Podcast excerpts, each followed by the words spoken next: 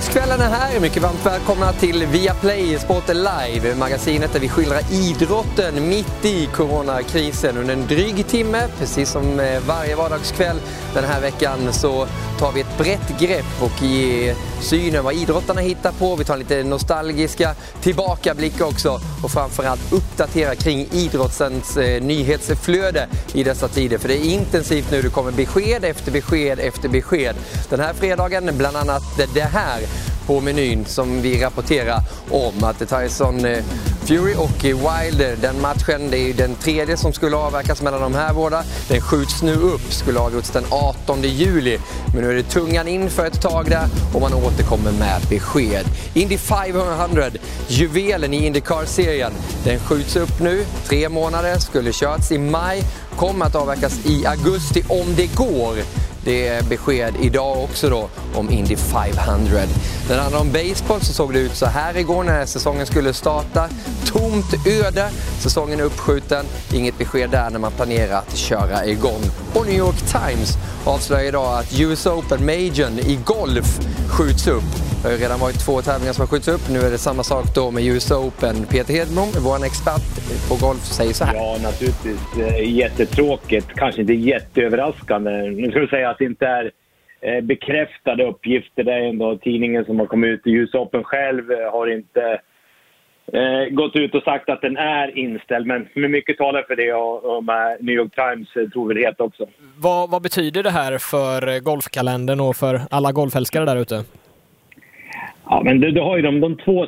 Ja, vi, menar, vi har fyra stora tävlingar i, i, i golfens värld, de fyra majorsna. Men US Open och The Open som spelas i, i Skottland och England, det är de... Och nu då även Nordirland förra året. Men det är, det, är de, det är de två riktigt stora tävlingarna. Och det är de som också har den största och längsta historien tillbaka. Så för mig var det... Många europeer har ju sagt, tycker att, att vinna The Open är det största. Jag själv eh, spelade tre US Open. Jag var uppe och, och, kände på toppen där i alla tre jag spelade. Och själv hade jag nog hellre vunnit US Open. Jag tyckte att det var en otroligt härlig atmosfär i, i USA att spela. Jag tycker publiken är ännu mer engagerad, vilket jag gillade. Och, eh, men som sagt, US Open och The Open, det är ju hugget stucken vem som är den största tävlingen av de vi har i golfvärlden. Men naturligtvis får vi hoppas att det är bara en uppskjutning och eh, att den kan bli av senare under året. Får se vad som eh, händer med det där alltså. Det var New York Times som kom med de där uppgifterna om US Open. Peter Hedblom som ju är expert på Viasat Golf om eh, det beskedet. UFC-fighten dyker upp i kvällens rubriker. Kommer den bli av då mellan Khabib och Ferguson? Den ska bli av, säger Dana White som ju är president för UFC. Dopingryktena, ja, de dyker upp nu igen kring Fury.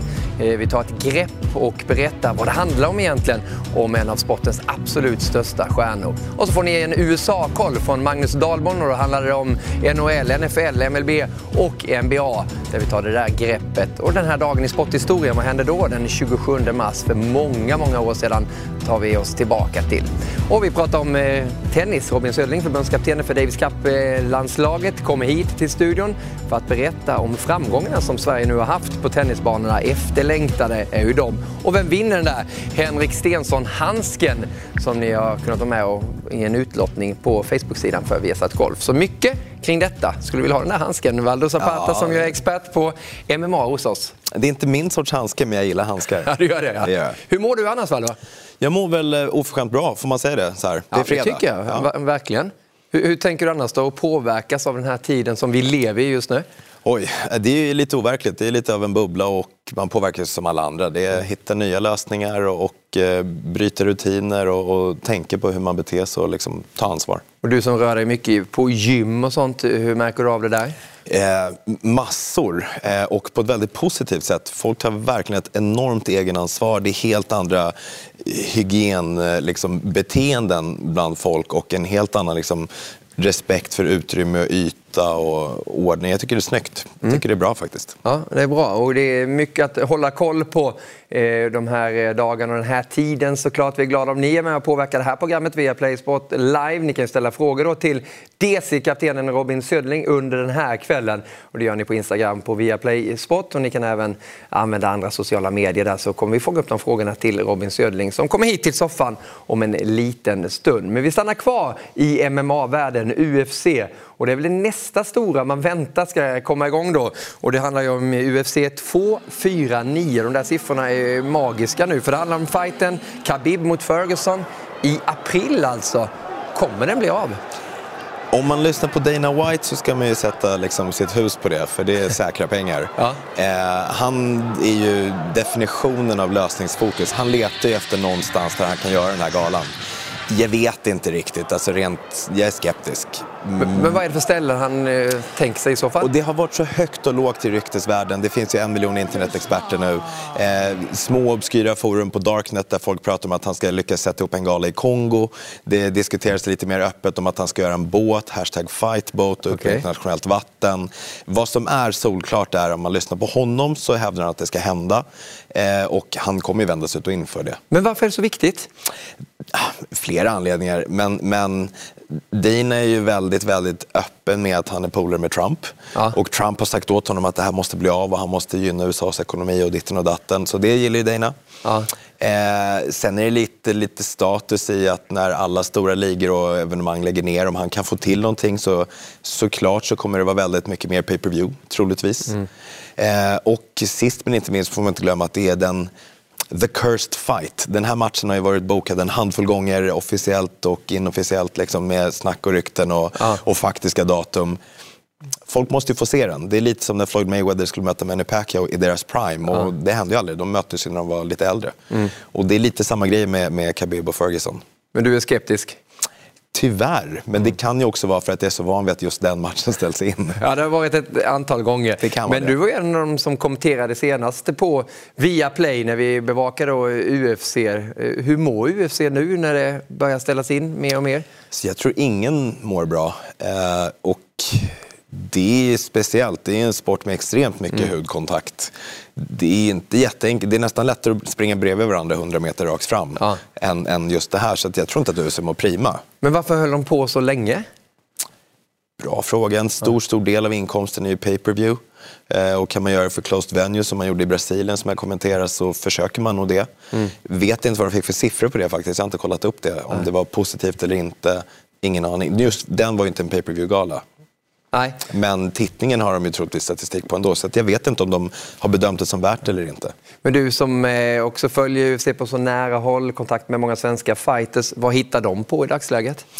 Eh, man tränar på, men med helt andra hygienregler. Och väldigt, väldigt slutna dörrar. Vi är två personer. Är du symptomfri? Jag är symptomfri. Jajamän. Vi duschar innan passet. Långärmat, långbent. Och liksom den, men folk behöver hålla sig i form. Sen tränar ju folk själva mycket, mycket, mycket, mycket, mycket mer. Man jobbar säck, man jobbar fys, man springer i backe, man skuggboxas, man rör på sig, jobbar rörligheten, finslipar med, med mycket videokoll och så vidare. Det, det finns sätt att träna som inte är att vara 30 pers i ett rum på en matta och svettas. Liksom. Vad händer i en eh, sådan stor fighter som Alexander Demoli Gustafssons liv? Hur resonerar han tror du? Bra fråga. Eller hur? Bra fråga verkligen. Tack. Eh, han är ju en fighter som faktiskt inte påverkas av... Nu har rykten om, om comeback verkligen florerat länge kring Mm. Alex, vilket vi hoppas. Eh, och han är en fighter som ärligt talat inte har några problem med att gå fighter ganska sällan. För att han levererar ju bra och blir inte så ringrostig. Nej. Det får vi se om alla andra klarar av, för nu kommer det vara långa uppehåll för många fighters. Ja, och det kan bli ett extra långt uppehåll för John Jones eh, som är synonymt med Alexander The Molly Gustafssons namn, i alla fall för oss svenskar. De har ju haft eh, en klassisk fight, har haft två möten ju. Nu har det här hänt, att han dyker upp på en sån här bild igen, tagen av polisen i USA. Berätta. Ja, det kom inte som någon jättechock, törs jag väl säga. Eh, Jag är ett enormt fan av hans kapacitet som fighter och ett ganska skralt fan av hans kapacitet som människa. Eh, Han blev, för att förkorta ner han- de hittade honom i en bil, en parkerad bil och där satt han med en picka som han inte hade papper på och bilen hade inga papper på och han hade en, en öppnad flarra sprit också, halvdrucken dåliga förutsättningar för att det ska gå bra där. Alltså. Hur stor nyhet har det här blivit kring Jones? Alltså, den stor... är färsk, den är jättefärsk. Den kanske inte har hunnit explodera riktigt än. Men även där så handlar det lite om förvåningsfaktorn är ju rätt låg på John Jones och dumheter. Så den har nog inte sprängts än. Hade det varit första gången så hade det varit enormt. Nu är vi lite vana vid att han tabbar sig. Ja. hur viktig är han för UFC, John Jones? UFC har ju visat att de klarar sig utan honom, men de har också visat att de alltid vill ha honom där. Eh, just nu finns det större problem. Hade det här hänt eh, pre-corona hade det varit riktigt, riktigt ja. knas. Men ja. nu tror jag timingmässigt att han kan flyga under någon liten radar för att alla tycker att det finns ju värre saker i världen. Mm. Men det är ständigt eh, saker som händer. Jag tänker på McGregor, ja. jag tänker på det här. De, de är inte lugna. Det behövs fighter för dem. Ja, alltså det finns väl också, nu kommer alla fördomarna fram, men vi, vi sökte oss ju till den här sporten av en anledning. Vi, vi behöver kanske få lite utlopp för grejer. Mm. Just isoleringen kanske inte är superbra. Nej. Vi hoppas att det går över. Ja, men så är det. Det finns ju fler fightingsporter som ju ligger på is nu. Boxning är ju en sådan också. En av eh, Sveriges största boxare genom tiderna, Klara Svensson. 18-2 hade hon i rekord innan hon la boxhandskarna på hyllan. Och eh, det börjar närma sig med andra saker nu, Klara. Vilken eh, vecka är du framme vid? Ja, men 25 och jag börjar ju klättra mot tungvikt så det känns ju exotiskt faktiskt. Jag är ju boxningsexpert på eh, Viaplay också. Du är eh, statusen i boxningsvärlden nu? Ja, men den, den är ju helt nedstängd. Um, Las Vegas, där, där det inte tillåts några galor och um, framförallt OS-boxarna lider jag mest med för de har ju kämpat för det här i fyra år, kvalificera sig till Tokyo och vi hade ju två killar, tre tjejer på plats i London för kvalifikation nu för eh, någon vecka sedan och tjejerna fick åka hem utan att gå upp i ringen för att eh, spridningen av corona satte igång. Så att, eh, jag lider nästan mer med de olympiska boxarna just nu. Men om du tittar bara på eh, boxningsvärlden, hur gör de för att eh, hålla kvar intresset? Vad, vad hittar de på? Vad tar de till för drag? Jag, jag tycker det är lite spännande hur de har hanterat den där lösningen på abstinens på att kolla på fighter. Nu har de börjat med en e-sport, World Super Series of Boxing. Den här stora turneringen den har ju också skjutits upp. Så därför har de påbörjat en virtuell, alltså en e-sportsturnering med alla de största nam namnen inom tungvikt. Så just nu så befinner vi oss i semifinal så jag tror faktiskt det är Sonny Liston mot eh, Ali ikväll och Tyson, vad heter det? Eh, Tyson mot Fraser. Oj. Så det är, är man väldigt sjuk på att se på fighter så, så finns det ju den att se på på deras Facebook-sida och Youtube. Med tanke då på hur läget är nu och allvarligt coronakrisen slår land efter land efter land. Just sporter som boxning och UFC, hur mycket extra tid tror du det kommer ta innan det kan komma igång igen? Eh, ja, men fördelen är ju själva träningen som, jag, som Baldur nämnde också. Vi är inte ett helt lag med massa personer som måste ha kontakt så det är en ganska isolerad träningsform så att de här olika utövarna kan ju faktiskt hålla igång och hålla en tämligen bra träningsnivå för att kunna vara beredda när ett, datum, ett nytt datum sätts. Så det är väl det positiva med just kampsport. Eh, sen tror jag att de har en, en annan eh, UFC skiljer sig lite åt med Dana White som är lite mer offensiv när det kommer till att hålla sporten igång under den här krisen. Frank Warren då, top rank promotorn som har Tyson Fury, han, han menar på att detta är för stora namn för att liksom stänga dörrarna på den här typen av matcher. Så att, eh, jag tror boxning har stängt ner det ännu mer då än om man jämför det med UFC. Men hur klarar sig de aktiva också med tanke på att det är inte alla som blir superstjärnor utan det är många som ligger på gränsen. Hur tufft är det tror du om du bara tittar på din värld, Valdo? Alltså för UFC-fighters, inte för UFC som organisation, är det nog en enorm kris. UFC är notoriskt känd för att betala den stora majoriteten av sina fighters ganska dåligt. Mm. Eh, däremot så, så ger de ju ett utrymme för marknadsföring och bygga brand. Så att en enorm del av alla dessa aktiva fighters har egna gym som är stängda. Ja. Så att de kan inte falla tillbaka på det. Eh, och många av dem, alltså nu är det ju...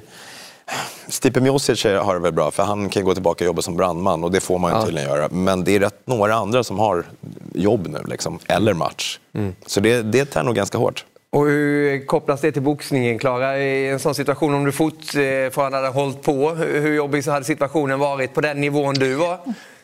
Ja, men, ja, men det, man lider ju med dessa utövare och oavsett sport så är det ju när det är ens levebröd så är det ju fruktansvärt frustrerande. Sen så tror jag att fördelen är som professionell utövare av boxning så är man van vid uppskjutna matcher. Man är van att kunna liksom kanske leva på minimum. Jag tror de flesta kampsporter är det. Så det är väl det, är väl det silver lining i den här grejen att de är, de är relativt vana. Vi får väl se hur Real Madrid och Barca-spelarna liksom nu kommer att gråta för att deras veckolöner sänks med några miljoner. Liksom. Så att, Mm. Ja, en som inte behöver gråta och tänka just på bankkontot är ju Tyson Fury, men han har en hel del annat att tänka på. Eh, det pratas mycket om honom. Det är rykten, anklagelser. Ge oss en liten bild vad som händer i Tyson Furys liv just nu. Oj, memory lane, fast inte med någon härlig sång på något sätt. Eh, det är en gammal grej. Det är vildsvinsgate all over again.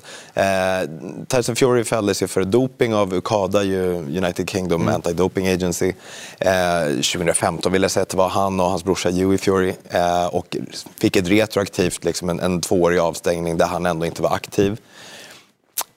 Um, nu har det gått ut, för att förkorta ner hela storyn, det har gått, ner, gått ut en, en bonde och sagt att han blev mutad till att säga att han hade det här köttet som var tainted då, okastrerat vildsvinskött. I vilket skulle vara högre nivåer av Nandrolon mm. som var vad han blev fälld för att ha tagit. Ja. Och det är där vi står nu alltså med eh, Tyson Fury anklagad då igen då för det här med doping och kan då ligga illa till. Han har ju besegrat eh, vår svenska tungviktare Otto Wallin vid ett tillfälle. Han gjorde ju en väldigt bra match då, Otto Wallin. Jonathan Lindqvist har ju pratat med eh, Wallin som sitter i karantän i New York och kom in på det här också hur mycket det skulle kosta boxningen om Fury skulle försvinna. Jag känner bara spontant för sporten som sådan. Det har ju varit en uppsving för eh, tungviktsdivisionen framförallt här i och med Fury och Wilders eh, bataljer här. Eh, många bra namn och du själv är också med där. Vad, vad känner du att det betyder liksom med den här typen av rubriker vid det här läget när så mycket har varit positivt? Ja, alltså när det handlar om doping så är det, det är aldrig okej. Okay. Och speciellt inte i en sport som boxning där, där det är farligt. Och om du tar någonting som gör dig starkare och slår hårdare så kan du ju verkligen skada din motståndare och i värsta fall kan du få en, en kraftig skada och kanske dö till och med. Så det är aldrig okej med doping oavsett vad man håller på med.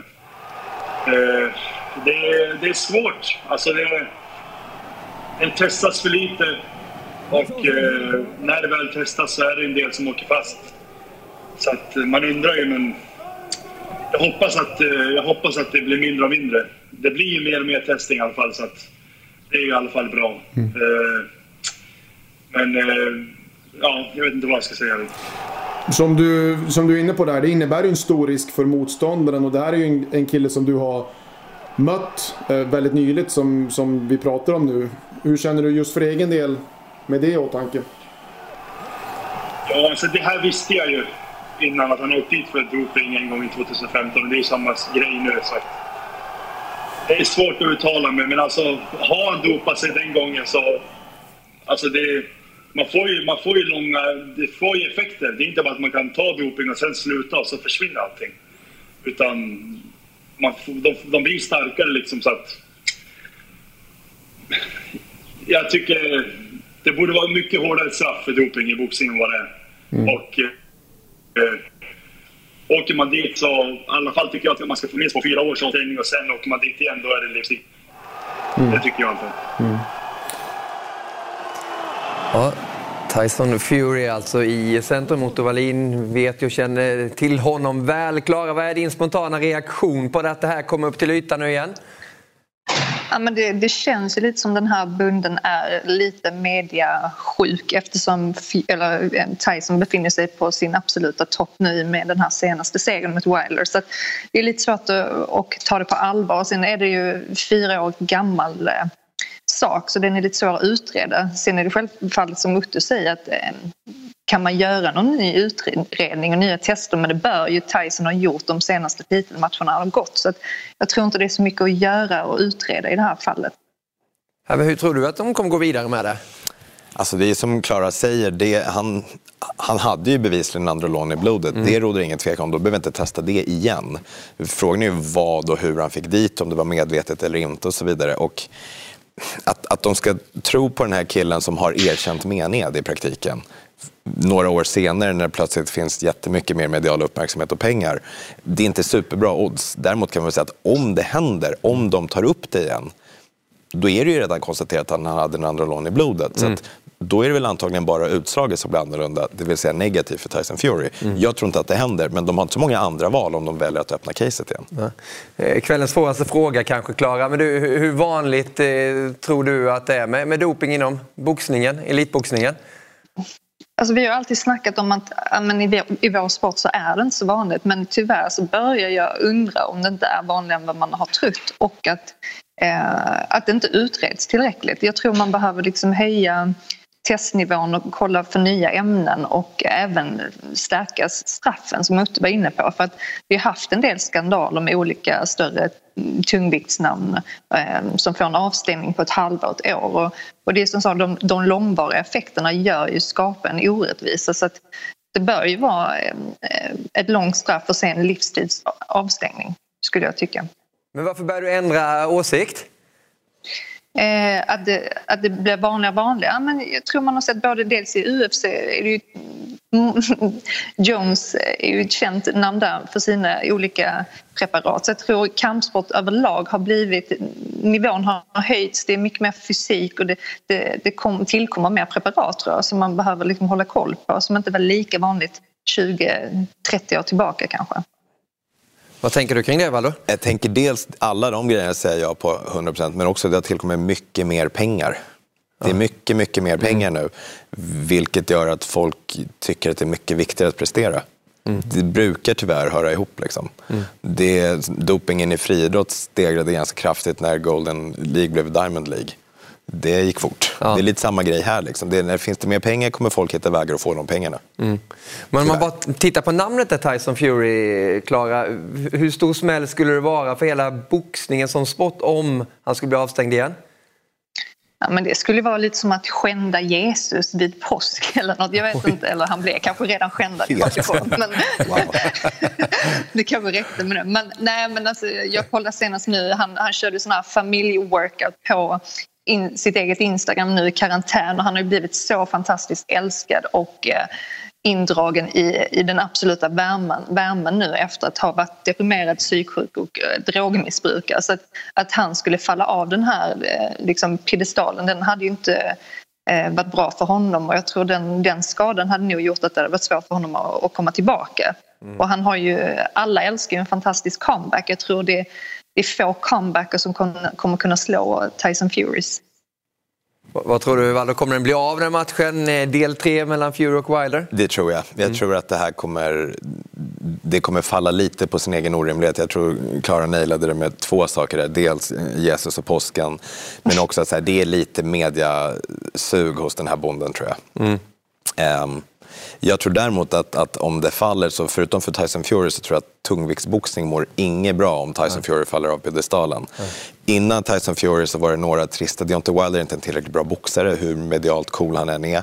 Eh, Anthony Joshua är ungefär lika rolig att titta på som en plyschkudde. Innan det var det Klitschko, fantastisk boxare, decennium var helt överlägsen och supertrist att titta på. Lennox Lewis var fantastisk och inte heller så kul. Innan honom har man glömt bort Evander Holyfield som inte heller var Nej. lika kul. Nej. Tyson var det senaste var roligt. Ja, det det. Lite så grovt Ja. sagt, liksom. framförallt för allmänheten, för inte för boxningsnördarna. Nu är det kul för allmänheten igen med Tyson Fury som Tyson, ja. greppar en mick och sjunger som en gud helt plötsligt. Och som man lärt sig att eh, hålla sig borta från vildsvinskött då alltså. Eh, Klara, du håller dig borta från det mesta nu gissar jag med tanke då på att du är gravid och i den där riskgruppen med tanke på coronaviruset. Eh, sitter du i karantän eller hur, hur lever du? Ja, om Skåne räknas som karantän så absolut.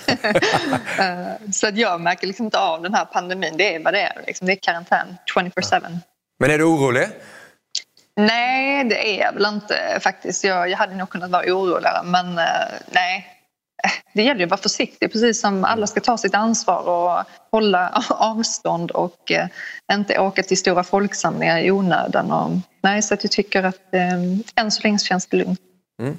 Tack så jättemycket för att vi fick eh, titta in hos dig där Klara och lycka till nu. Vi kommer ses innan boxningsexpert på Viaplay när boxningen väl är igång Klara Svensson. Och tack så mycket också Valdo Zapata. Tack snälla. Kul att se dig. Ha en härlig helg nu då. Det ska jag. Soligt helt själv. ute, eller? Ja, helt själv. Ja, precis. Håll undan.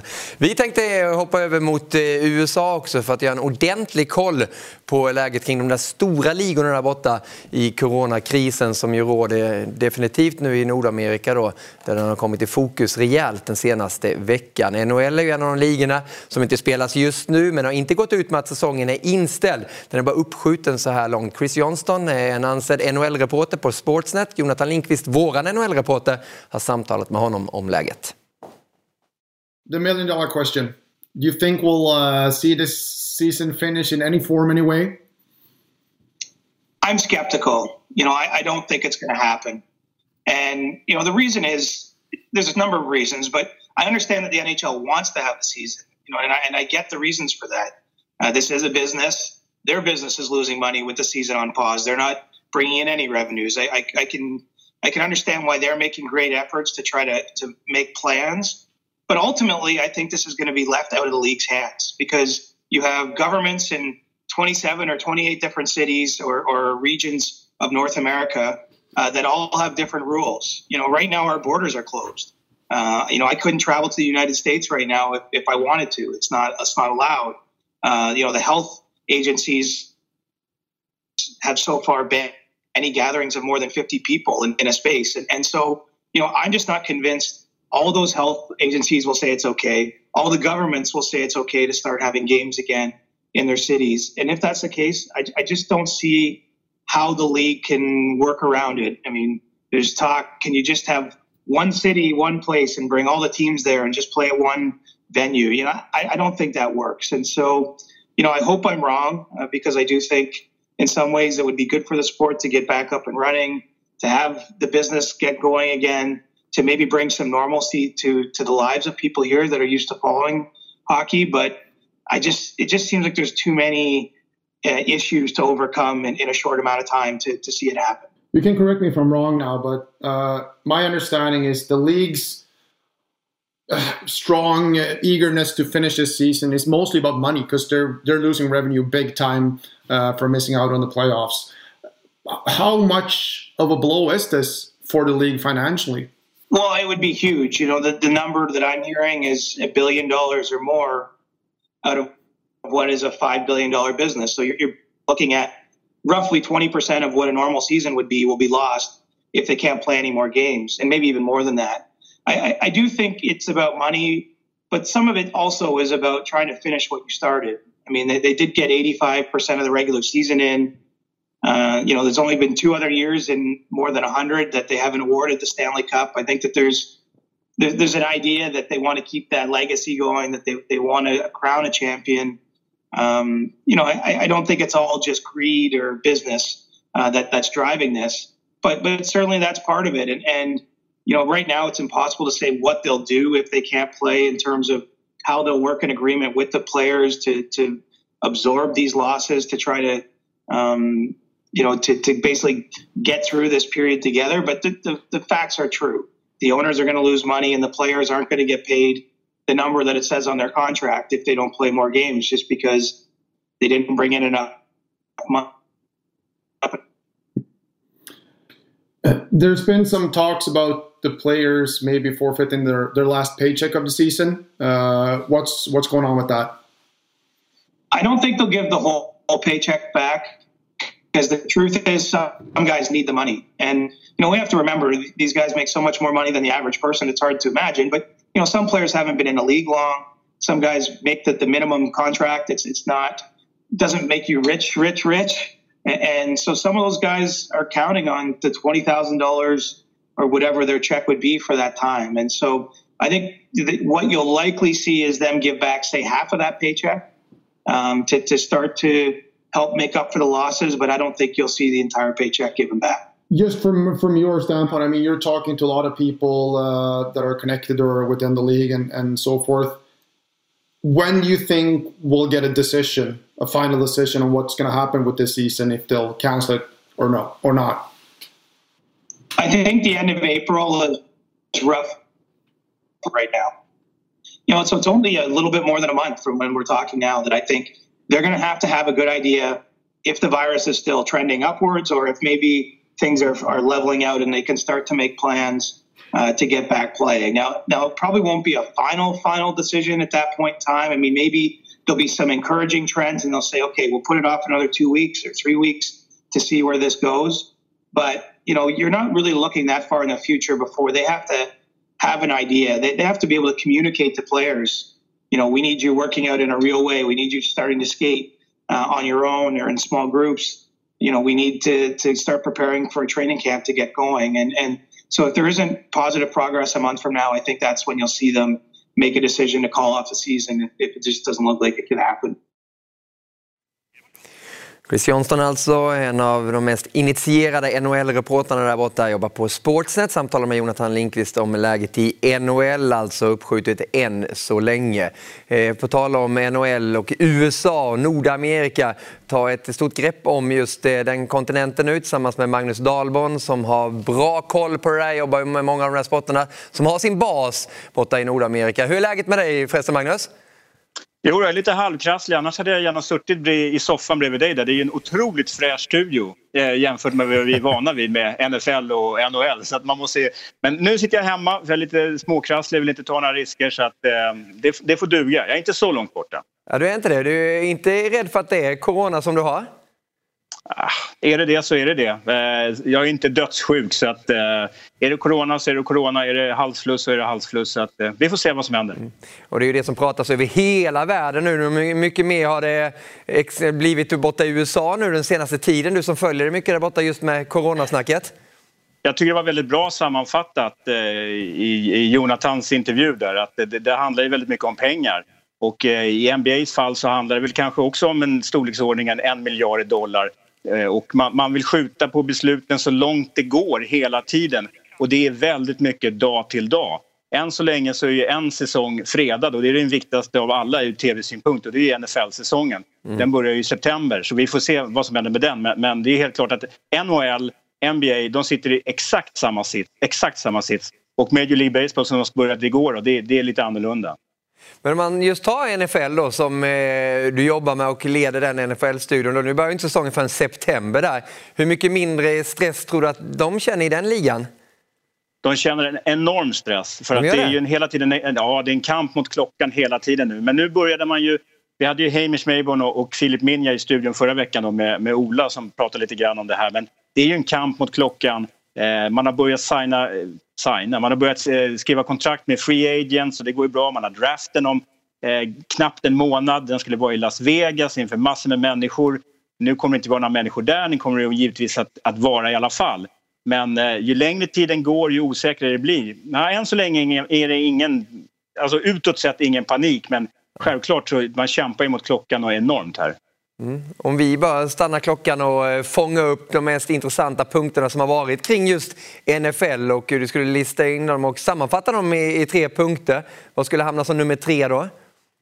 det är ju den här eh, free agent-marknaden som har satt igång nu som har blivit massor med snack om och det är ju spelare som har bytt klubbar hit och dit och det har varit trades.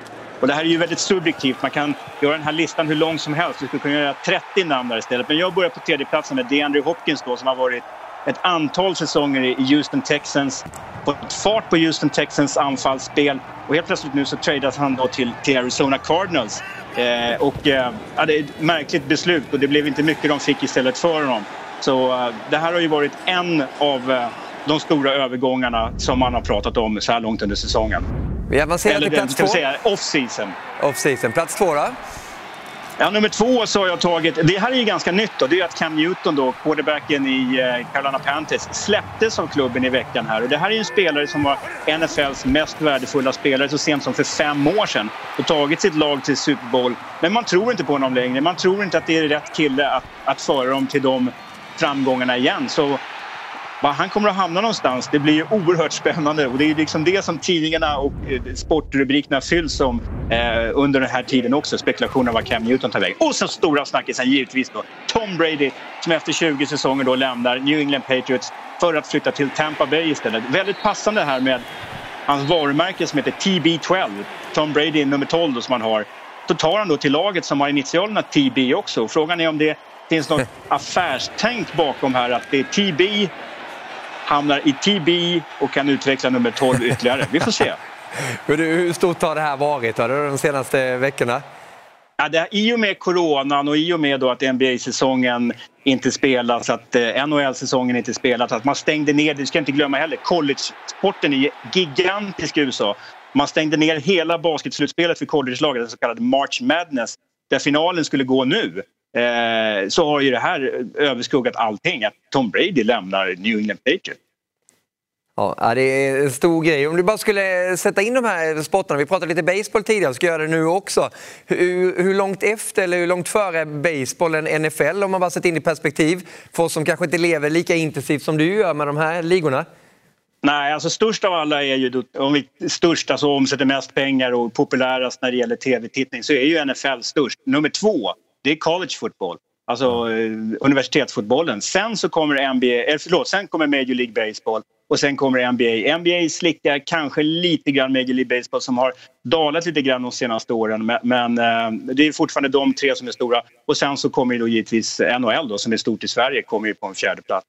Men vi stannar då vid eh, tredje listan. Den där basebollen då eh, skulle ju startat upp igår, det blev inte så. De spelar otroligt många matcher. Hur många matcher är det på en säsong, Magnus?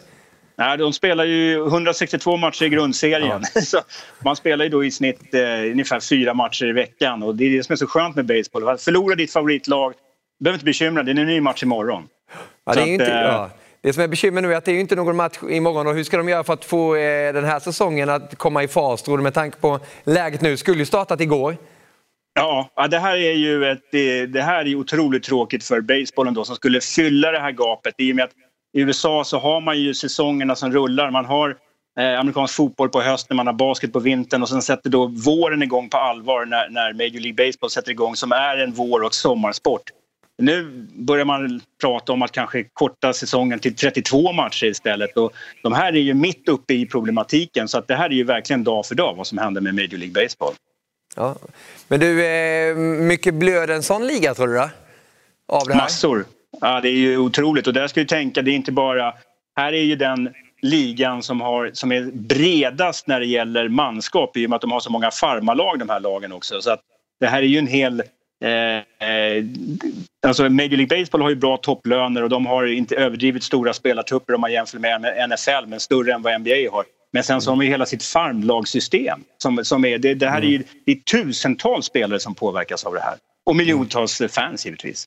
Mm, såklart, och härliga bilder bakom oss i nutiden när det gäller basebollen. Men om vi vänder oss mot eh, dåtiden, det som har varit och man pratar baseball så kommer man in på namnet Babe Ruth.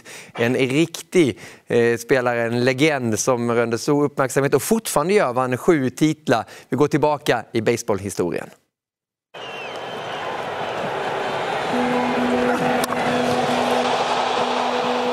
George Herman Babe Ruth Jr eller kort och gott Babe Ruth, föddes den 6 februari 1895 i Baltimore, Maryland och anses av många vara den främsta baseballspelaren genom tiderna. Under 22 säsonger i Major League Baseball slog han otaliga rekord utöver de sju World Series-titlar han var med och vann. Han valdes kort efter pensionen in som en av fem originalmedlemmar i baseballens Hall of Fame. Han började sin karriär som pitcher, men de stora framgångarna kom som outfielder och slagman. Babe Ruth var först att nå 50 och 60 homeruns under en säsong.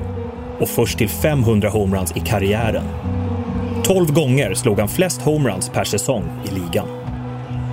Proffskarriären inleddes i Boston Red Sox 1914 där tre av World Series-titlarna bärgades. Övriga fyra vann han med New York Yankees innan han avslutade karriären i Boston Braves 1935. Ruth dog i sviten av cancer 1948, bara 53 år gammal och lämnade ett enormt sportsligt arv och flertalet rekord efter sig. Tobias Karlsson där mindes Baby Ruth. Eh, sätt in honom alltså i sporthistorien. Hur stort är hans namn? Eller? Det är kanske den största amerikanska sportikonen genom tiderna. Och nu tar jag i ordentligt, men vi ska komma ihåg att det här var alltså för hundra år sedan som han slog in 54 eh, homeruns för New York Yankees. Och bara den här Ja, det finns så mycket att prata om Babe Ruth, alltså hans övergång från Red Sox till, till Yankees, och Curse de Bambino och alltihopa som då eh, var att Red Sox skulle inte kunna vinna World Series utan Babe Ruth och det tog 86 år innan man gjorde det igen. Alltså det finns så mycket om Babe Ruth men det viktigaste att komma ihåg är det här är 100 år sedan. Det, eh, det fanns ingen tv på den tiden. De tre största sporterna i USA det var baseball, det var boxning och det var hästkapplöpning. Så att eh, amerikanska fotbollen, NFL, NBA, allt det tog, det tog fart efter andra världskriget och när tvn kom igång och sådana saker. Men Babe Ruth, han var den första stora idrottsikonen, stora hjälten och det var inte så vanligt med, med spelare som var födda i slutet på 1800-talet att de valde idrott. Varför skulle de göra det? Det fanns ju liksom inga stora pengar i det. De skulle hjälpa att gå sin pappas fotspår och de skulle eh, försörja familj och så vidare. Idrott det bespottades lite grann. Men, men eh, Babe Ruth, han är ju en eh, där, där, kan vi verkligen prata om en legendar, alltså om en ikon som, som satte fart på det här. Och det, det är många av de här stora idrottsstjärnorna idag som har honom att tacka för att egentligen det blev som det blev med, med den amerikanska idrotten. Mm, jag kan tänka mig det. Vi slår oss vidare genom eh, de stora sporterna i USA, Magnus, och tar fram en liten större boll och hamnar i NBA. Eh, hur mår NBA nu med tanke på allt det här och det som har varit den här säsongen? Det har varit en väldigt, väldigt tuff säsong för dem. Jag tror att om hade de vetat om vad som skulle kunna hända så hade de nog blåst av training camp tidigare i höstas och sagt att vi hoppar över den här säsongen. Vi, mm. vi, vi, vi gör någonting annat. Vi spelar någon annanstans. För det har inte varit speciellt kul eh, att vara spelare i NBA eller varit basketspelare överhuvudtaget i, i Nordamerika under den här säsongen. Och det är inte bara på grund av coronan, utan givetvis också med tanke på den tragiska bortgången av, av eh, Kobe Bryant som dog i en helikopterolycka här i januari. Mm, Kobe Bryant och eh, hans ena dotter då, Diana var det som förolyckades där. Eh, hur påverkade allt det här hela, ja, hela idrotts-USA, hela USA i stort sett? Eller? Ja, det gjorde det ju. Eh, absolut, du har ju helt rätt. Det var ju både, absolut hela eh, idrotts-USA som, som påverkades, men, men basketen i synnerhet. Och, och jag menar, det är inte så länge sedan han la av, så det är ju flera spelare i ligan som har spelat med honom och som har färska minnen. Han var ju väldigt aktiv och han var ju väldigt aktiv i, i, eh, i eh, sin dotters basketlag och blev lite grann en, en, eh, en förebild när det gäller kvinnlig basket också. Så det, det, var så mycket som bara raserades i den här dödsolyckan för, för eh, när Kobe Bryant gick bort. Men du Magnus, om man tittar då eh, i bredare perspektiv för hela NBA, eh, var inne på NHL tidigare som ju inte har blåst av säsongen än. Hur är status där för NBA? När tror du ett besked kommer där? Nej, det är precis det, det, vad ska vi säga, copy and paste då, om man får använda det uttrycket på, på NHL. Alltså att man, man tar det väldigt mycket dag för dag. Eh, man hoppas kunna genomföra säsongen. Det kom ut uppgifter idag om att man kanske kan spela in i september. Det låter lite orealistiskt för min del men det är ju pengarna, det är ju ägarna som styr så att eh, eh de, de måste ju få tillbaka någon form av eh, vad de har investerat i den här säsongen men det, det, det, ser, det ser mörkt ut, onekligen. Mm. Sannerligen, och om man lämnar Nordamerika, stannar kvar vid en av dina favoritsporter basket och fångar upp den här i Europa med Euroleague då. Det är ju den 20 säsongen som vi bevakar den i våra kanaler på, på Viaplay. Det finns nya uppgifter idag, inte om Jonas Jerebkos lag, men i övrigt, berätta. Nej, de är exakt samma sak som i, när det gäller NBA. De har då eh, fryst sin säsong, de vill komma igång igen. Men de har hela tiden räknat då på var är, hur många coronafall finns det? Hur, eh, måste vi, hur många lag måste vi sätta i karantän? Real Madrid har varit i karantän, man har spelat matcher utan publik. Eh, det är jättesynd för det har gått bra för Jonas Jerebko här i Chimki, det ryska eh, laget då, som kommer från Moskvaområdet. Men nu har det kommit fram idag också att det är spelare som är, har fått blivit eh, sjuka i Fenerbahce då, som är ett av de bästa lagen vilket gör att man kommer förmodligen inte kunna sätta igång som man har velat här nu i början på april utan det kommer att skjutas ytterligare tid framöver. Och när det gäller Jonas Jerebko och Schimki där, de spelar i någonting som kallas för VTB-ligan också. Det är lag från Ryssland, Polen, eh, Belarus, eh, Kazakstan eh, och de kom ett besked idag att de, de avslutar sin liga per omgående. Mm. Jag vet att den var viktig för dig såklart att du skulle få kommentera en final, där, alltså 20 upplagan av den. Men hur viktig är Euroleague för hela basket-Europa? Ja, den är otroligt viktig. Den har ju kommit lite grann, eller den är ju lite grann i skymundan i Sverige. Trots att vi har tre spelare då som spelar i, i, eh, i Euroleague. Vi har eh, Jonas Jerebko i Chimki, vi har Jeff Taylor i Real Madrid och Marcus Eriksson i Alba Berlin. Men på sina ställen så är det här en, en gigantisk företeelse. Den är ju nummer två efter fotbollen på många ställen. Mm. Vi gör dig glad Magnus, med tanke på att du har lite ont i halsen där hemma så eh, vi har ju en programpunkt här via Playspot Live där vi öppnar upp sporthistorien, den här stora boken med nostalgi i centrum och det handlar just om basket idag.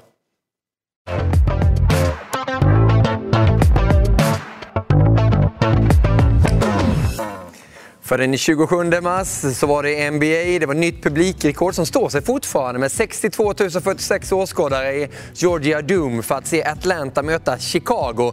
Chicago som vann den matchen och blev sedermera mästare, vilket kanske inte är så konstigt när man ser namnen där i Chicago. Vad minns du av detta Magnus? Jag minns det väldigt, väldigt väl. Det var ju 1998 det här och som du säger, det, det var ju rekord när det gäller grundserien. Sen har man ju haft över 100 000 på ett All-Star Game då i Dallas. Eh, men Michael Jordans sista... Sen kom han tillbaka. Han gjorde en comeback i Washington senare. Men han, spelade, han vann ju tre mästerskap, gjorde uppehåll i en säsong för att spela baseball. Kom tillbaka 95, men då nådde inte laget fram till en NBA-trofé. Eh, inte ens till final. Och sen så vann man då 96, 97, 98 och det här var så sista året som eh, eh, Michael Jordan vann med, med Bulls. Och den här matchen var ju stor då av, många anledningar. Tony Kukoc, kroatiska spelaren i Chicago Bulls, Bill Wennington, den kanadensiska centern. Motståndarlaget, en guard som heter Mookie Blaylock. Eh, Pearl Jam kanske du känner till, gruppen. Ja, ja. De hette ju först Mookie Blaylock efter honom för de tyckte att han var så bra basketspelare. Sen okay. bytte de till Pearl Jam, men de kallar ju en av sina skivor för 10, nummer 10. Han spelade alltid med nummer 10. Så nu fick du lära dig lite det också. Ja, det är bra att du lär mig mycket. Jag vill gärna lära mig vilken som är din favoritbasketspelare genom tiderna. Är det han med nummer 23 i Chicago? Nej, jag skulle säga så här. Det finns ett Mount Rushmore, alltså du vet det här stora monumentet med fyra stora presidenter i USA. Där har du Bill Russell, stora centern från Boston Celtics. Du har Kareem Abdul-Jabbar, du har Michael Jordan och du har eh, LeBron James. Det är de fyra stora. Sen så är det väldigt svårt att eh, tvära på de där. Bill Russell, 13 säsonger i NBA, 11 titlar. Det är svårslaget. Ja, sannerligen. Tack så jättemycket för eh, genomgången av USA, Nordamerika och läget i basket-Europa också Magnus. Krya på dig nu hörru! Tack. Och du är när som helst välkommen till soffan här också som inte kommer vara så här tom om en liten stund för förbundskaptenen i tennis Robin Söderling är på ingång. Han är det med en succéstart på nya jobbet. Ni kan ställa frågor till eh, Robin som ju har fört upp Sverige då till slutspelet i högsta divisionen i Davis Cup och det var ju länge sedan det såg så ljust ut för svensk herrtennis då. Vi kan ju minnas tillbaka till den där gamla goda tiden när det var stora, stora namn som skämde bort oss år efter år efter år. Björn Borg, Mats Wilander och Stefan Edberg. Tillsammans satte de inte bara Sverige på tenniskartan. De var tenniskartan. Under 18 år, mellan 1974 till 1992, bärgade de otroliga 24 Grand Slam-titlar, toppade världsrankingen och satte rekord som lever kvar än idag. Efter en period med färre svenska tennisframgångar tändes ljuset på nytt i slutet på 00-talet.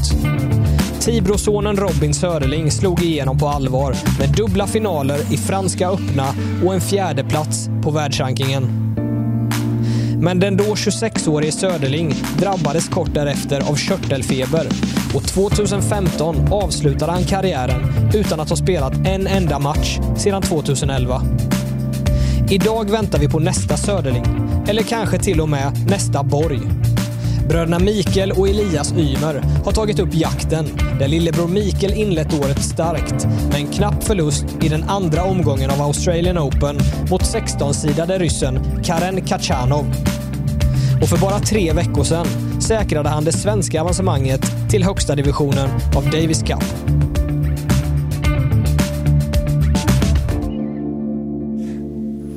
Ja, varmt välkommen till Robin Söderling, tidigare världsfyra i tennis, numera förbundskapten i tennis. Hur känns det att ha den titeln, förbundskapten? Ja, det känns eh, riktigt kul. Eh, när jag fick frågan så eh, blev jag först lite förvånad, ja. men sen när jag tänkte på det och, och vad, det, vad det skulle innebära så bara kändes det så klockrent. Det var, jag var stolt över att få, få bli tillfrågad. Mm. Så det gick snabbt att tacka ja sedan? Ja, det gjorde det. Mitt spontana, ja var ju, mitt spontana svar var ju direkt ja. Liksom. Mm. Men sen, ibland vet man får en fråga och man svarar spontant spontant att det låter... Sen när man tänker på det så bara, då väger man för och nackdelar ja. och så kanske man får en annan uppfattning. Men det här var ju mer jag tänkte på det så bara kändes det roligare och roligare så att det var klockrent. Mm. Här i Viaplay Sport Live så får du eh, ha spontana svar för det är många frågor till dig som kommer in. Vi tänkte syna några eh, utav dem då. Det är bara att ställa dem på Instagram, på Viaplay Sport och på eh, en del andra ställen på våra plattformar där ni kan eh, fånga upp de där frågorna och ställa dem till förbundskapten Söderling. Alltså gör det här under kvällen, finns på plats här i soffan ett bra tag. För du, vilken start du fick på eh, ditt nya jobb. Berätta! Det var otroligt roligt. Vi slog ju Chile här. Vi hade, laget har ju spelat bra ganska länge faktiskt mm. på, i de lägre divisionerna och hade kvalificerat sig här för en, för en kvalmatch till slutspelet. Då. Mm. Det är ju lite nya, det är lite nya um, nya förutsättningar från förra året egentligen. Numera spelar man ju som ett slutspel i Madrid som går under en vecka dit de 18 bästa lagen kvalificerar sig. Och det var den kvalmatchen för att ta oss dit som vi vann nu här för några veckor sedan i Kungliga mot Chile. Mm. Just att att vara där också som förbundskapten, hur speciellt var det? Nej, det, var, det var riktigt kul. Jag, eh, jag har ju haft, nu har jag fått lite erfarenhet av, och jag tränade Elias, Elias Ymer under ett år och reste med honom. Och det var väl kanske egentligen min första erfarenhet jag hade som, som tränare. Men det var rätt skönt att ha med sig det i ryggen när jag gick in där. Sen är det såklart lite annorlunda att träna en spelare individuellt ja. än att träna flera stycken och för att få ihop det som ett lag. Men det funkade väldigt, väldigt bra faktiskt. Det var, alla grabbar gjorde ett fantastiskt jobb, både de som spelade såklart, men även de som, som inte fick spela den här gången. Så att det var bra stämning och det är en riktigt bra laginsats. Hur viktigt var det här för svensk herrtennis då, att det blev den här framgången där och då? Ja, men jag, jag, tycker det är jätteviktigt och jag både hoppas och tror att det kommer hjälpa svensk tennis väldigt mycket. Det är precis det vi behöver. Om man tittar på så mm. många andra sporter, det, det, intresset skapas ju av att det finns förebilder och stjärnor som, som presterar bra. De syns i tv, mm. tidningar, man kan, man kan se dem spela de här stora matcherna. Det gör ju också att man, det är lättare att attrahera de här unga pojkarna och flickorna, idrottstalangerna och välja tennis framför andra sporter. Det är ju konkurrens mellan många olika sporter. Så att, eh, jag tror att på sikt så kommer det här hjälpa en hel del för svensk tennis. Om vi bara tittar lite individuellt på dig nu och bli tränare som du har varit eh, ute på touren också då, men om vi tittar nu då som förbundskapten. Vad tar du med dig från de tränarna som du haft själv tidigare som du kan applicera nu själv i ditt nya jobb? Ehm, jag har lärt mig eh, ganska mycket. Jag har haft några, ett antal tränare under, under mina år och jag tar med mig lite egentligen från alla olika tränare. Försöker plocka det jag gillade bäst ja. Eh, från, från var och en och sätta ihop det. Och sen, men sen ändå så blir det ju ändå min egen filosofi och man utgår ju, i och med att jag spelat så många år på touren så utgår man från sig själv och, och man försöker sätta sig in i hur kände jag i de här situationerna, vad funkade för mig, vad funkade inte för mig och sen är det klart att alla är olika. Mm. Det är en individuell sport men någonstans så är det lite samma känsla bland alla, det är samma tänk liksom.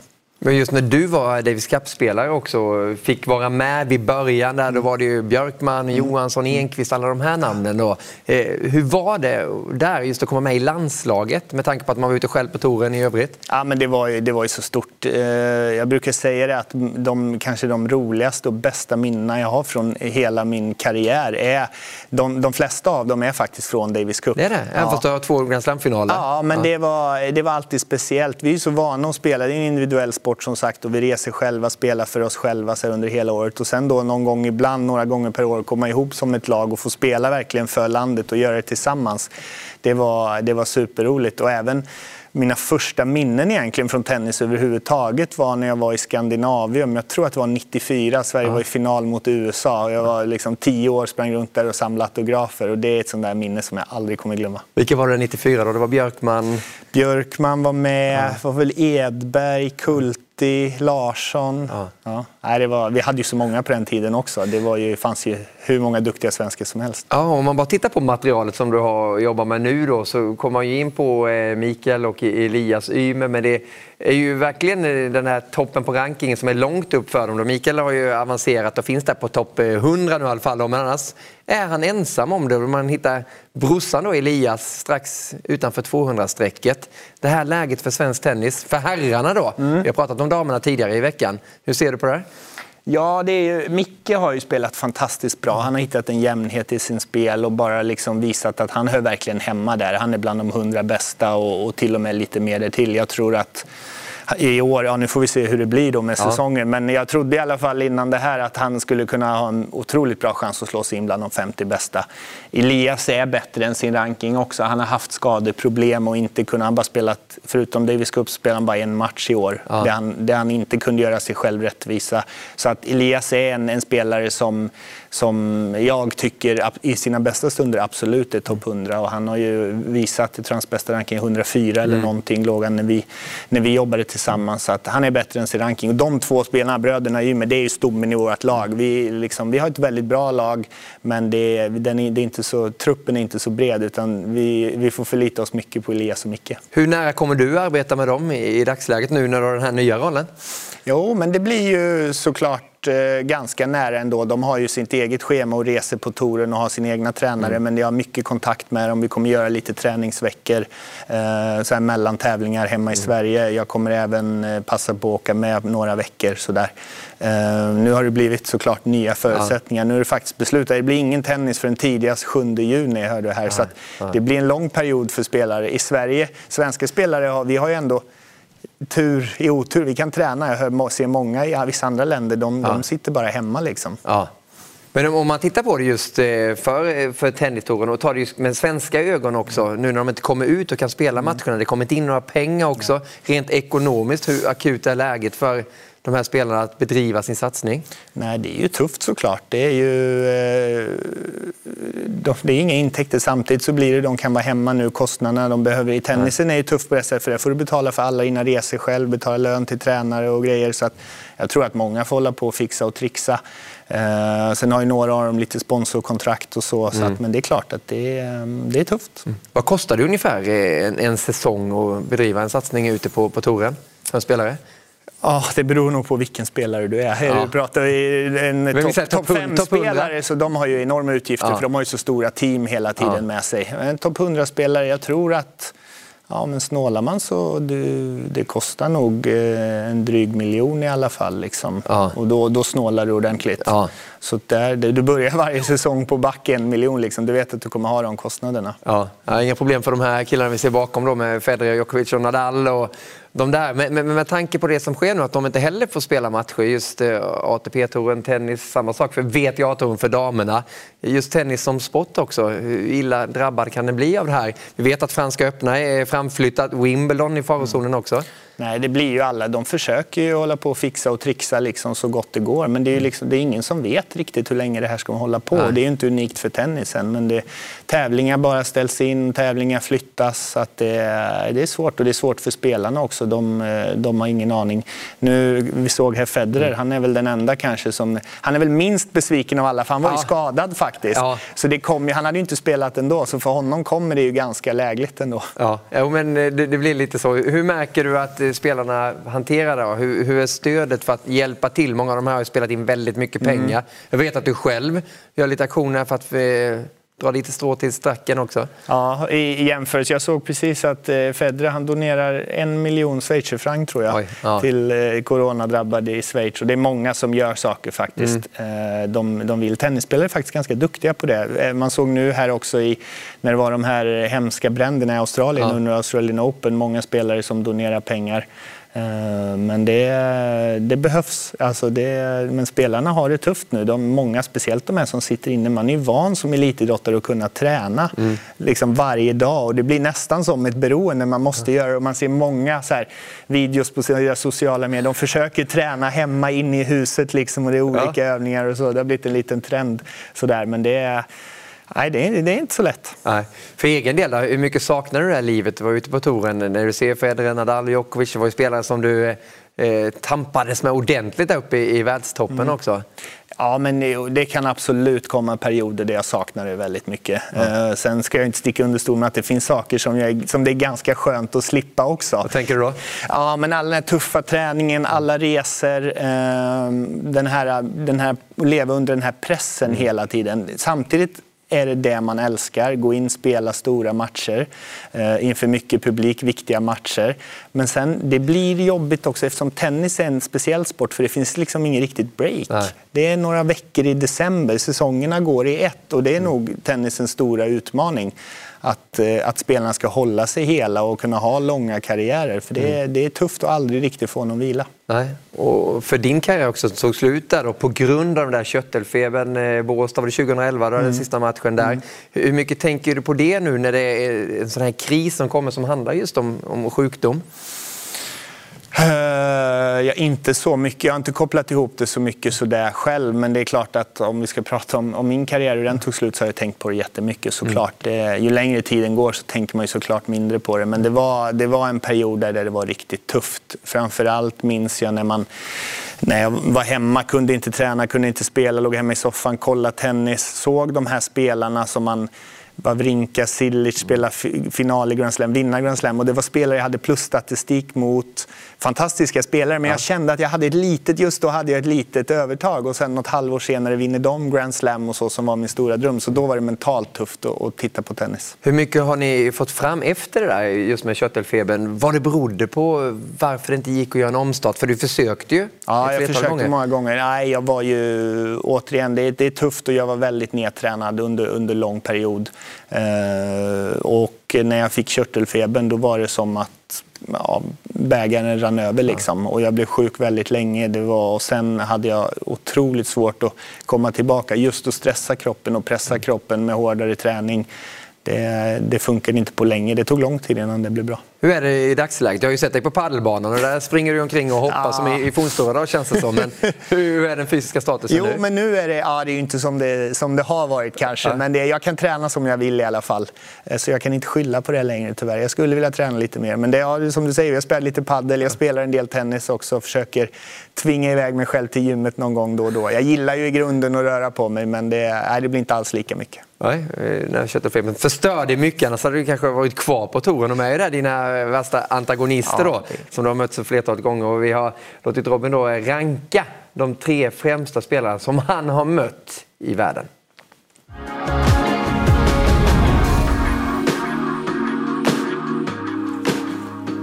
Och på tredje plats så finner vi en spelare som eh, du mötte åtta gånger. 6-2 har ni plusstatistik på dig. Rafael Nadal. Vad gjorde honom så svår? Eh, ja, aldrig sett någon spelare som har den, både, dels den fysiken och just den mentala styrkan. Det, det, många andra spelare, nästan alla andra spelare, även de här bästa, Djokovic, Federer, kunde man känna ibland att man fick ett litet mentalt övertag. Jag minns någon match jag mötte Djokovic, hade set och break och kände att luften gick ur lite. Mot Nadal, det spelar ingen roll om han leder set och 5-0 eller ligger under 5-0. Det är, liksom, det är från första till sista boll samma. Han tappar aldrig fokus. Nej. Så att det går liksom aldrig att känna, där var matchen aldrig någonsin slut mm. förrän sista bollen var över. Men hur ofta får du prata om det som hände i Paris 2009? Ja, det är ofta. Det är fortfarande ofta. Men förstår många... du själv, kan du sätta in det, att du slog honom just i Paris? Det är inte många matcher han har förlorat där. Nej, nej det är bara två stycken. Ja. Jag brukar säga att det säger lite mer om, om, om honom än om mig faktiskt. Men hur, hur kunde du vinna den matchen? Jag hade en bra dag, en ja. fantastiskt bra dag. Och sen, eh, jag hade en spelplan och följde den. Och jag tror att sättet som jag slog Nadal på på grus, det är egentligen ett av de få sätten som man faktiskt kan ja. slå honom. Det gäller att våga ta risk, spela med bra längd, ganska flackt och vara den som styr spelet. Annars så går det inte, liksom. inte på grus. Eh, men det är ju helt otroligt. Han har vunnit 12 gånger. Ja. Alltså, det, finns, det, finns, spelare, jag brukar säga det finns spelare, jag har vunnit 10 titlar ja. i min karriär. Jag var fyra i världen. Han har vunnit en enskild Grand Slam 12 gånger. Ja. Men den där förlusten, hur mycket störde du honom för er relation? Hur skulle du vilja beskriva den? Uh, ja, nu, är den, nu är den helt okej, okay, mm. nu tror jag. Men det, det, började ju där i Wimbledon. Det var året Ja, två år innan var det. Ja, då förlorade jag 7-5 i 50 i Wimbledon i en, i en jäkla match. Och då var, det lite, då var det lite gnabb. Så det tog ett tag där, innan, innan, framförallt innan han kom över det. Ja. Eh, men jag tror också, jag brukar tänka lite, om man ser de här allra bästa spelarna, de, de är fantastiska tennisspelare, men man kan se dem gå in på banan mot, mot, även mot riktigt bra spelare och man ser att deras motståndare tror inte riktigt på det. De vill gärna vinna, men de tror ja. inte det där sista lilla och det, det gör så otroligt mycket. Uh, och när jag fick det där mot Nadal, jag fick något litet psykologiskt övertag och sen slog jag honom där i Paris och sen slog jag honom igen. Jag kände att jag jämnade ut oddsen lite, mm. men som sagt, de stora spelarna vinner mycket på att det är många som inte riktigt tror på att de kan slå dem. Vad har han sagt till dig efter den där eh, förlusten och efter din stora seger över honom där? Har ni pratat om nej, det? Inte, efter? nej, vi har, nej, aldrig om den matchen. Inte? Aldrig om den matchen. Nej, om Wimbledon-grejen, för där var du lite irriterad på att han har så mycket tics för sig, det ska vara så här bakom och det var ju dra en, i kalsongerna ja. Det var ju en extrem match också. Jag tror vi spelade över fyra dagar. Det var, Mm. som, det var innan de hade tak eh, i Wimbledon och det var så många regnavbrott och det var, ju, det var en slitig match för båda. Och jag kommer ihåg det, han, han fick vänta på mig en gång. Det var, det var bollbyte och jag glömde att byta jag glömde bort det. Jag bytte alltid racket Ja. när det var bollbyte. Så jag gick ut, han servade, jag gick ut på banan och sen så hör jag domaren säga nya boll och då kommer jag på oj, jag har glömt att byta racket. Så jag, jag, jag visar sorry, springer tillbaka, jag ska byta racket. Men han uppfattar inte det. Så Ah, han ställer okej. upp för att serva och sen när han är på väg att kasta upp så då står inte jag där, då är jag och byter racket. Och då blev han lite irriterad. Och då kände jag bara så här, men vänta, jag har väntat på dig mellan varje boll här nu i fem set och du får vänta en gång. Och då kom den där. Det var, det var inget, inget jag tänkte på, det var ren reflexmässig grej. Ja, vi kan gå in och söka efter den här incidenten på Youtube. Då. Det är stor, stor underhållning. Rafael Nadal, alltså den eh, tredje bästa spelaren som Robin Söderling har mött i sin karriär. På plats två, vem dyker upp där? Om inte världsettan just nu, Novak Djokovic. Fortfarande så pass bra då så att han är bäst i världen. Vad är det han har som de andra inte har kanske? Han, har, han rör sig otroligt bra och han tar bollen så tidigt och spelar så snabbt. Och det är så otroligt svårt att få hål på honom. Och sen är han så fantastiskt bra att växla eh, defensiv till offensiv. Så fort man blir kort i banan då kliver han in och sätter press. Och det, det är när han har varit som bäst i sina bästa stunder. Då, jag brukar säga, jag vet inte om någon någonsin har spelat så bra tennis som han har gjort när han har varit som bäst. Men tycker du att han får den uppmärksamhet som han förtjänar då? Du säger att han kanske är den bästa spelaren någonsin om man tittar kapacitetmässigt. Ehm, han har ju tuff konkurrens. Det är Ja. ju, och Nadal och Federer, den här eh, rivaliteten som de har, de var ju något eller några år före Djokovic egentligen. Och det, man har sett det tidigare. Jag brukar säga det började egentligen med Björn Borg och McEnroe, två helt olika Mm.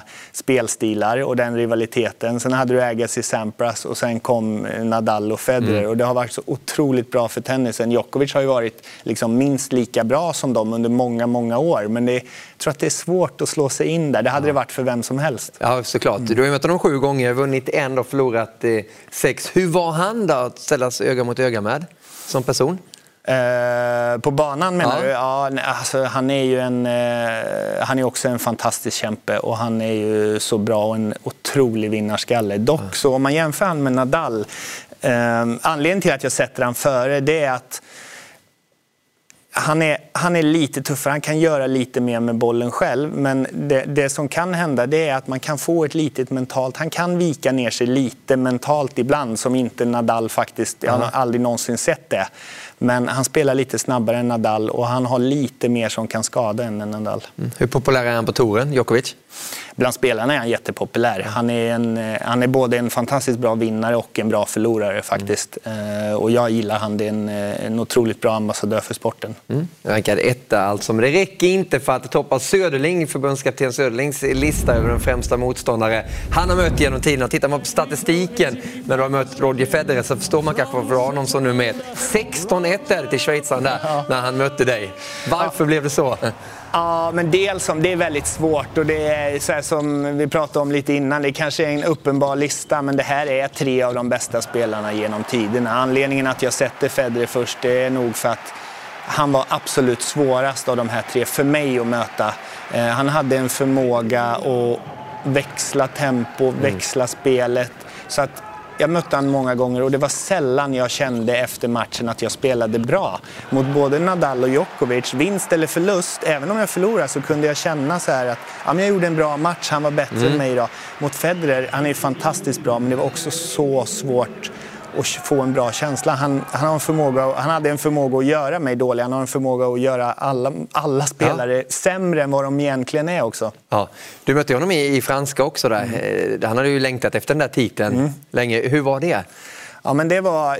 Det, då var det en ganska, eller det var en väldigt regntung dag. Eh, det var en långsam bana, bana, bollarna blev lite stora, det var långsamt spel. Jag hade inga problem med att slå igenom och han fick inte riktigt ut så mycket av sitt snabba spel. Slicen bet inte lika mycket, han har lite svårare att sätta press på mig. Eh, så det passade mig perfekt och då gjorde jag en, en riktigt bra match. Men då var det jag som styrde hela tiden och mm. jag lät inte han diktera några villkor. Och det, det var, ju, det, var, det var det som var sättet för mig att slå Federer. Mm. 103, 103 titlar har han vunnit alltså. Bästa spelaren, behöver man ens fråga det om man är det i historien? Ja, men tittar man på resultaten så är han det, men det, jag tycker det är väldigt svårt att avgöra mm. vem av de här tre som, som faktiskt är den bästa spelaren. Det, det, är svårt att jämföra i olika generationer, men alltså att tre av de bästa spelarna i historien spela samtidigt. Mm. Det, det, har varit väldigt bra för tennisen, otroligt tufft för alla andra som har legat där från fyra och ner ja. till tio i världen. Ja. Det, nej, jag vet själv, jag var, just Federer, det var många gånger jag drömde mardrömmar om honom faktiskt. Och visst pratar han bra svenska också, Federer? Ja, men han, han förstår ganska mycket. Ja. Han hade ju Peter Lundgren där som tränare under många år och de, jo, men han, eh, han kan helt okej okay svenska. Ja, jag skulle kunna ställa frågor till dig hela kvällen, känns som, eh, Robin. Men låter andra göra det också. Glad att så många tittar på Viaplay Sport Live och vill vara delaktiga i det här programmet också. Marcus Arvidsson har skickat in tre frågor till dig. Eh, du har väl bättre syn än mig, du är mycket yngre än mig eh, Robin. Du får fånga, fråga, eh, fånga upp vilken fråga du vill av de där eh, frågorna. Tio år efter, när du ser tillbaka i backspegeln, undrar jag ett, vad är det för eh, mellan kärlekshistorien Södling och Roland Garros? Tvåan, mm. hur ser du på två finalförluster? Vilken av det kände du dig som starkast? Och trean där, om man ställer, istället tittar framåt, hur sugen är du på 2020 på att coacha en torspelare i framtiden? Får ta vilken du vill. Jag ska inte välja en då. Det var bra mm. frågor allihop. Mm. Eh, trean här då. Eh, det, jag har ju erfarenhet av att träna Elias som sagt och det var otroligt roligt och väldigt, väldigt lärorikt. Ja. Eh, tyvärr så är jag inte riktigt i den situationen nu att jag kan resa så mycket. Det krävs, om man ska vara tränare, det krävs att du är beredd att resa 30, mellan 30 och 40 veckor om året. Det funkar ja. inte liksom riktigt med dels min familjesituation och mina andra åtaganden. Ehm, så tyvärr, kanske när barnen blir lite äldre och så, för att det, nej, som sagt, det var väldigt roligt. Men just nu så ehm, håller jag mig hemma lite mer. Ja, kanske blir att du eh, tar fram rakten och tar dig ner på planen istället för nästa fråga här från Karl Hedelin. Vad är chansen att du gör comeback i Davis Cup-finalen i november? det hade varit en fröjd att se dig lira igen. Ja, nej, de Pim-Pim var ju med i ja, Stockholm Open-kvalet. Ja. Nej, de är väl kanske inte så stora. Uh, jag är med och tränar lite på banan faktiskt, sådär ibland ja. och sparrar med dem. Jo, men det, alltså, jag, jag, kan fortfarande spela ganska bra under liksom lite kortare perioder. Jag ja. känner orken är inte riktigt var den är där. Men det är ganska kul att känna att jag faktiskt kan, kan spela rätt så bra, som sagt, men under en kortare period. Jag tror att Nej, spela själv, det är nog risk för en, en, en gubbvad eller en hälsena eller någonting efter några game. Tyvärr, den risken vill jag inte ta. Du, är serven, hur står den sig då? Ja, men serven funkar bra. Den är faktiskt, det är väl kanske det bästa slaget fortfarande. Och sen funkar det bra väldigt bra när man står och slår och får bollen till sig. Det är lite de här reaktionerna, tajmingen i returerna och längst ut i hörnorna som jag mm. märker att jag har tappat lite. Du, eh, möjligheterna till att göra någonting i Davis Cup-slutspelet? Hur goda är de? Om det nu blir spel. Ja, det är i november? Ja, det är ju trots allt ganska lång tid kvar i slutet på november. Ehm, ja, på pappret fick vi en ganska bra lottning. Vi hamnade i en grupp med Kanada och Kazakstan. Ja. Ehm, tufft såklart. Kanada är riktigt bra. Mm. Kazakstan Ja, men där tror jag nog att vi har en bra chans faktiskt. Ja. Och det fanns ju många lag som liksom, du har Frankrike, Serbien, Spanien, mm. USA. Så att på pappret kunde lottningen blivit betydligt tuffare. Eh, jag tror att ja, alla, allt måste funka, men ja. Eh, det är de, de gruppvinnare, sex grupper med tre i varje. Gruppvinnarna de två bästa tvåorna mm. Eh, går vidare till kvartsfinal. Så att det är inte en helt omöjlighet att kanske bli bästa tvåan. Nej och bara vara där med Sverige. Det var ja. länge sedan det var framgångar i Davis Cup. Verkligen. Grattis till en bra start där på jobbet också. Vi kommer Tack. följa det såklart. Eh, grattis säger vi också då till eh, den personen som har vunnit den här golfhandsken. Och det är inte vilken handske som helst. Den tillhör den där killen, Henrik Stensson, en av världens främsta golfare. Då. Och det har varit utlottning på Facebook-sidan på Viasat Golf och vinnaren är Åsa Åman Ros från Uppsala. Alltså Åsa Åman Ros vinner den här golfhandsken, kommer skickas hem där eh, till dig. Då. Stort, stort grattis! Lirar du golf också? Jag försöker. Du försöker? ja, jag spelar några gånger varje sommar eh, med blandade resultat. Men det är otroligt kul. Ja, med alla idrotter är du väl en allätare. Jag vet att du Verkligen. gillar ju fotboll också. Det kommer ju en Premier League-studio härifrån på lördag. Premier League-studion Retro. Den här gången kommer Ola Wenström och kompani återvinna det som var 2004 när Arsenal hade en jättesäsong. Vad säger ni om det där mötet? Arsenal-Liverpool från 2004 på Vesas på Premium och via Play på lördag alltså. Vad har du för favoritlag i England? Uh, ja, jag, eh, jag håller faktiskt på Arsenal. Du gör det? Jag, är inte så, just engelska fotbollen är jag följer jag inte så mycket. Det har blivit, jag gjorde det när jag spelade själv och, ja. och, reste mycket, men nu när jag är hemma mer så har det blivit väldigt mycket allsvenskan för mig. Ja, ja okej. Okay. Ja, men Då missar jag inte många matcher. Du, du gör inte det? Nej. Nej. Håller koll på det. Och du bor ju nära en Djurgårdslegendar, va? Också där du bor. Om du gillar Djurgården och här på hemmaplan, visst är det lite så? Mats Sundin? Mats, ja, ja, i hockey med. Ja, ja, absolut. Jo, då, vi, vi bor nära. Han, han, jag tror inte han följer det så mycket. Inte som jag. Inte fotbollen i alla fall. Ja, inte det? Nej, men jag följer både, både hockeyn och fotbollen. Jag tycker det är superroligt. Ja. finns annat att eh, följa också. Återvinna även eh, Formel 1. Då handlar det om Brasiliens eh, Grand Prix. Då blir den där flaggan i luften och det är från 2008.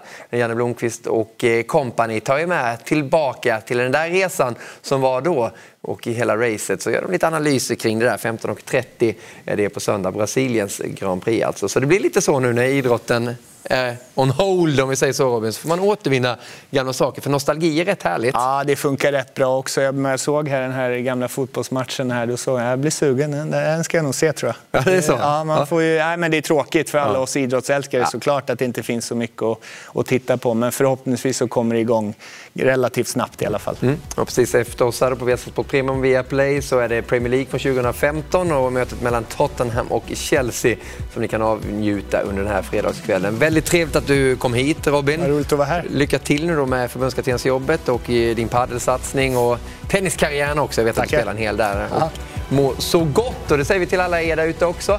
Ha nu en trevlig helg. Glöm inte bort då att det blir Premier League-studio på lördag och sen Formel 1-studio på söndag. Sen är vi tillbaka med Viasat Sport Live på måndag med en ny vecka för att uppdatera er kring eh, nyhetsläget med idrotten och corona och den här krisen. Ta hand om er allihopa och kom ihåg, en för alla, alla för en.